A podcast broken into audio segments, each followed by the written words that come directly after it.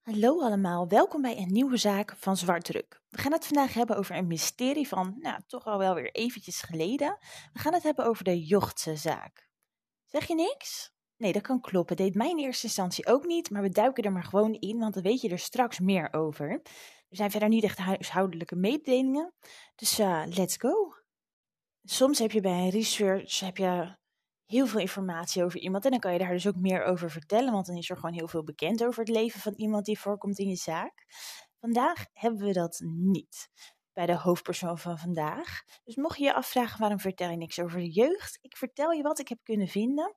En dat verhaal begint vandaag bij Gunther Stol. In sommige docu's wordt over hem gezegd, hij was een nobody. Vind ik niet heel aardig klinken, maar dat woord wordt dus soms gebruikt voor iemand die niet per se opvalt. En dat hoeft dan weer niet altijd negatief te zijn. Maar bij Gunther Stol speelt er dus gewoon niet zo heel veel geks in zijn leven. Wat daarmee dus ook een rustig leven lijkt te zijn. In het jaar van de feiten is hij een jaar of 34. Hij is getrouwd, hij heeft één dochter. Gunther woont in Duitsland en hij is voedseltechnoloog. Ik dacht, ja, maar dat ben ik ook. Ik weet een hoop van eten. Maar dat is dus niet waar. Een voedseltechnoloog, die eet namelijk niet alleen heel veel, die zoekt naar manieren om voedsel te verbeteren als het gaat om bewerking. En die houdt zich heel erg bezig met kwaliteit en veiligheid en hygiëne. Dus hij heeft eigenlijk een super belangrijke baan.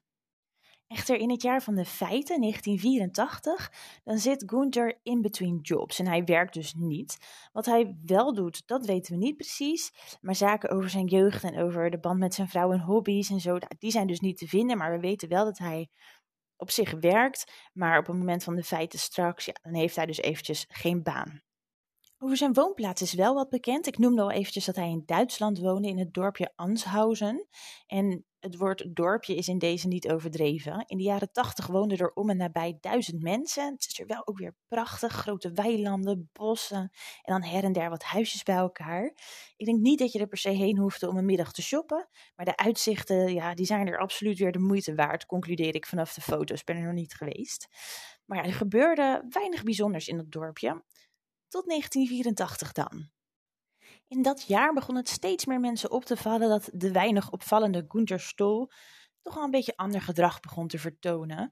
De normaal zo rustige Gunther begon wat paranoïde opmerkingen te maken. Er zijn er verschillende definities te vinden over paranoïde of paranoia. Zo lees je bijvoorbeeld dat iemand dan een geestelijke stoornis heeft en zich dan dingen inbeeldt, zoals dat hij wordt belaagd of achtervolgd, of dat iemand heel achterdochtig of extreem wantrouwend is. En dat klopt wel een beetje als je naar Gunther kijkt. Hij doet uitspraken als: Ik kan er niet meer tegen. Ze zijn allemaal tegen me en ik ben bang dat ze me pijn zullen doen. Nou, dat zijn opmerkingen die je bij iemand in het criminele circuit nog wel zou kunnen begrijpen. Maar Gunther zat daar voor zover wij weten niet in. Maar goed, het waren rare opmerkingen. Maar geestelijke gezondheid was nog niet echt een ding. En de meeste mensen dachten: Dit gaat wel over. Komt goed.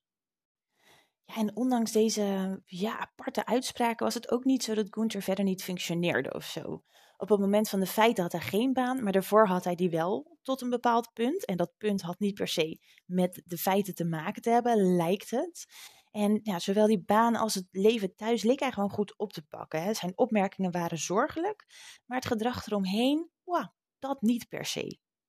Die opmerkingen bleven wel komen en komen. Dat hield echt nog wel eventjes aan, in ieder geval tot 25 oktober 1984. Hij zit die avond met zijn vrouw in de woonkamer. Het is een gewone rustige donderdagavond. Ik kan me zo voorstellen dat de tv aanstaat, de dochter liever al naar bed is en dat de ouders nog eventjes een nieuwsuurtje zitten te kijken ergens. Maar er vallen wel weer een paar keer opmerkingen met ze zoeken me, zij komen achter me aan. In die richting. En daardoor wordt duidelijk dat Gunther zich wel echt nog steeds ergens zorgen over maakt. En ineens staat hij op vanuit zijn stoel. Ja, hij springt dus op en hij zegt: Jetzt geht mir ein Licht auf. En dat betekent vrij vertaald: Nu heb ik het, als in Eureka.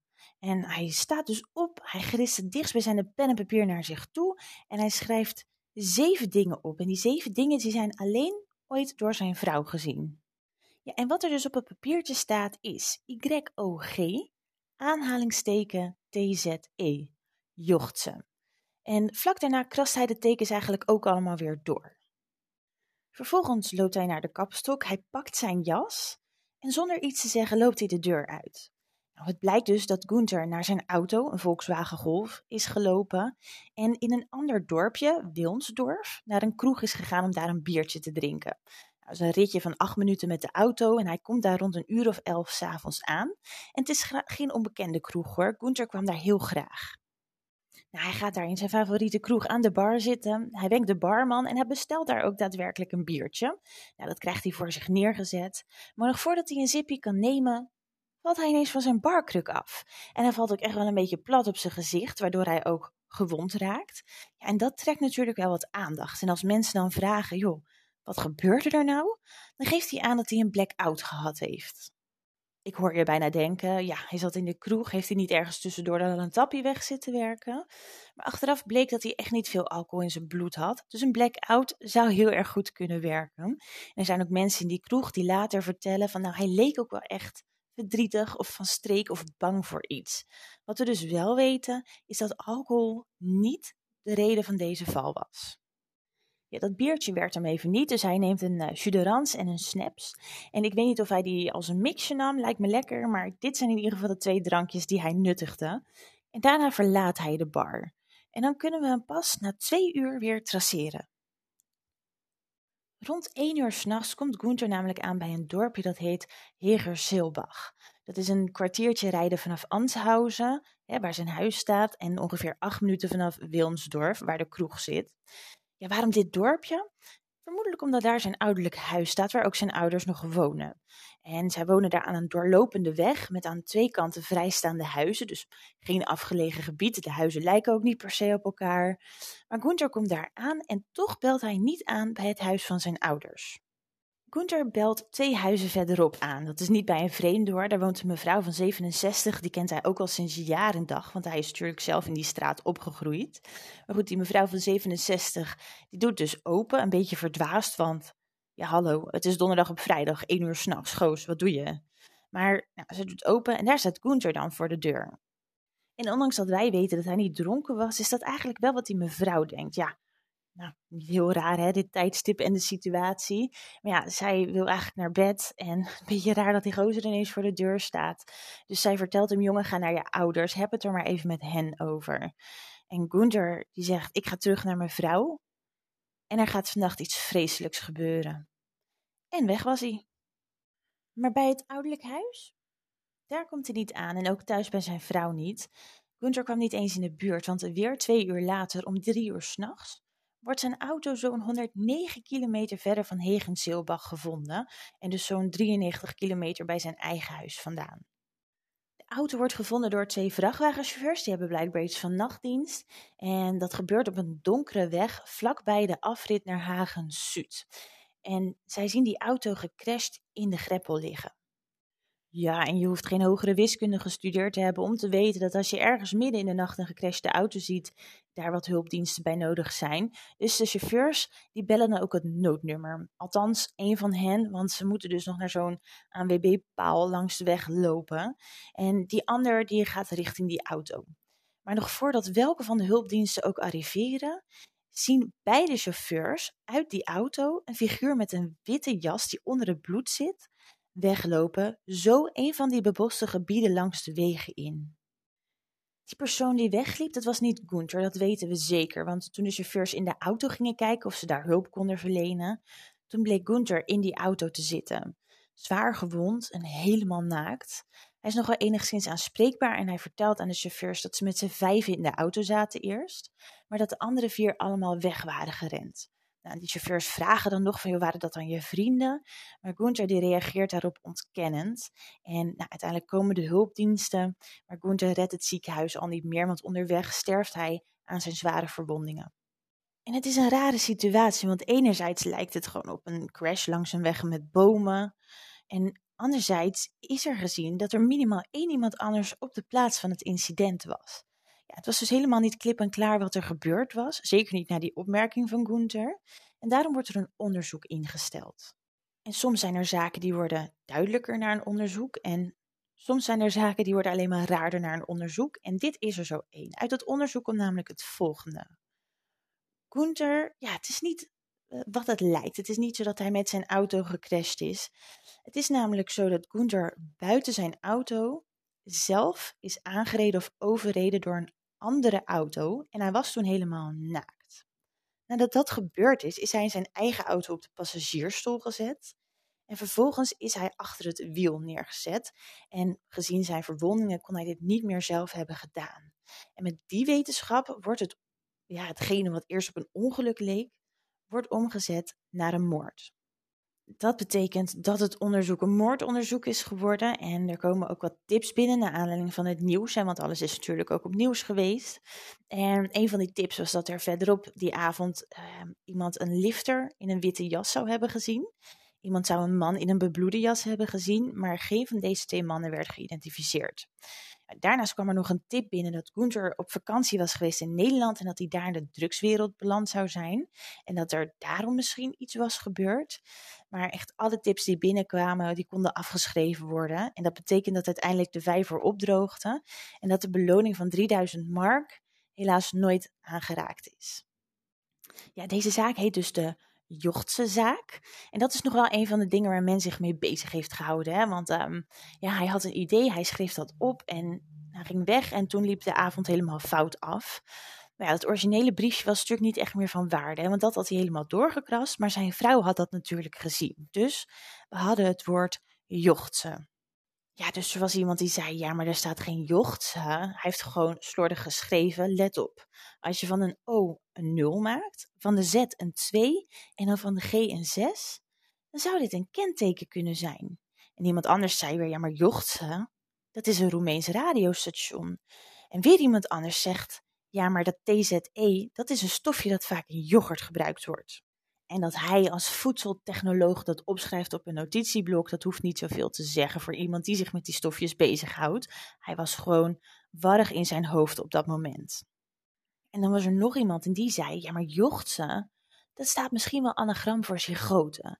En dat heeft weer te maken met genetische informatie en gemodificeerde voedingsstoffen. Maar ja, dat is nog steeds niet echt iets om iemand mee te identificeren of een mysterie op te lossen. Er gaat echt van alles rond, juist ook om dat briefje. Maar ja, de meeste dingen die hebben toch echt alleen maar heel veel losse eindjes. Maar er is één van de theorieën die op het internet rondgaat, die is dus niet van mezelf, maar dat is er wel eentje die net iets verder is uitgewerkt dan de andere. En dat is de volgende.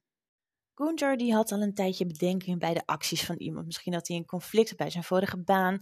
Misschien had hij gewoon door dat iemand stiekem zat te doen. Want diegene die zat te knoeien met voeding of die had een geheimzinnig project. En ja, Gunther die zit daar eens een tijdje over na te denken. Van hoe zit dit nou? Ik heb iets gezien, maar kan het niet plaatsen. En ineens, 25 oktober, ineens weet hij het. Eureka. En hij schrijft dat woord, jochtse, schrijft hij op. Wat in die zin dus wel zou kunnen passen, want voedingsstoffen. Misschien had hij al iets gezien wat super geheimzinnig was en was het echt een probleem dat Gunther daarvan wist. Als in, misschien werd hij wel als klokkenluider gezien bijvoorbeeld. Nou, stel dat dit zo was en hij zat er al een tijdje over te dubben en op een gegeven moment kreeg hij in de gaten dat hij zelf in de gaten werd gehouden. Hij had dat die avond van 25 oktober door en hij wilde zijn vrouw en dochter niet in gevaar brengen. Dus hij ging naar de kroeg, een openbare plek. Hij wordt inderdaad gevolgd naar die kroeg, of misschien wisten ze wel dat dit zijn favo kroeg was en zaten ze hem daar op te wachten. En hij ziet daar dus iemand in die kroeg waar hij zo erg van schrikt dat hij letterlijk van zijn stoel valt. Mogelijk is hij toen weggegaan naar een plek waar ze hem niet snel zouden vinden. Dus uh, niet zijn ouderlijk huis, maar een paar huizen verderop. Hè. Daar zouden ze hem niet verwachten, want ja, hoe zouden ze dat moeten weten? En misschien heeft hij dat wel gedaan met heel veel omwegen en zat er daarom dus zoveel tijd tussen die ritten en zijn tijden van aankomst. Maar ja, ook toen is hij gevolgd en hij is dus onderweg, misschien wel gepakt met alle gevolgen van dien. Ja, dat is nog steeds een theorie die rammelt aan alle kanten, maar dit is wel de enige waarvan je zou kunnen denken, ja, misschien zou het in deze hoek kunnen zitten. Feit is wel dat deze man naakt is aangereden en vervolgens terug is gezet in zijn auto en voor dood achtergelaten. En we weten niet waardoor en we weten dus ook niet door wie het komt. Er zijn mensen die zeggen, ja, deze kerel die was uh, gewoon schizofreen. Wisten ze toen nog niet, werd nog niet zoveel aandacht aan besteed, maar vandaag de dag herken ik dit als schizofrenie. Ja, persoonlijk, van wat ik heb gezien en gelezen, vind ik dat er te veel bewijs is dat er anderen bij betrokken zijn. En ja, ik vind het daarom bijna oneerlijk dat hij her en der als nou ja, niet bij zinnen wordt weggezet. En dat maakt dat deze man in zijn eentje echt nog een super angstige tijd heeft doorgebracht op het laatst. En, en dat is zielig, net als voor zijn vrouw en zijn dochter natuurlijk. Ja, en om die reden, iemand die eigenlijk schijnbaar een heel saai leven heeft en die dan zo, zo raar uiteindelijk aan zijn einde komt, ja, daardoor wordt het wel weggezet als een mysterie. En dat is ook waar ik je moet achterlaten als het om deze zaak gaat. Misschien, heel misschien, komt er ooit nog een update. En dat zou natuurlijk hartstikke mooi zijn en dan zul je het hier ook zeker horen. Ik heb twee tips om mee af te sluiten. De eerste tip is echt geen supersonische hippe, maar kan wel heel fijn zijn als je het nog niet of nog niet kent. Weet je namelijk dat alle afleveringen van Peter R. de Vries ook op YouTube staan. Eh, het is zeker niet nieuw, maar ik wist het niet en ik had dus ineens nog heel veel fijne afleveringen te gaan. Het enige wat je ervoor hoeft te doen is intypen op YouTube Peter R. de Vries complete afleveringen. En dan heb je ineens uren aan tv gewoon op je telefoon of op je laptop de tweede is ten tijde van opnemen in ieder geval nog wel wat nieuwer. Op Spotify is namelijk een nieuwe podcast online gekomen en die heet Vrouwenmoord. Het gaat over femicide. Het is super heftig, maar er zit ook heel veel kennis in. En daarom denk ik dat dit een, eh, een goede tip is die zeker ook in ons straatje past. Heb je nou zelf nog tips die je met andere luisteraars wilt delen of uh, een suggestie voor een aflevering? Laat het me dan weten via het mailadres in de show notes. Voor nu, dankjewel voor het luisteren en tot snel. Geniet van je dag, hè. Doeg!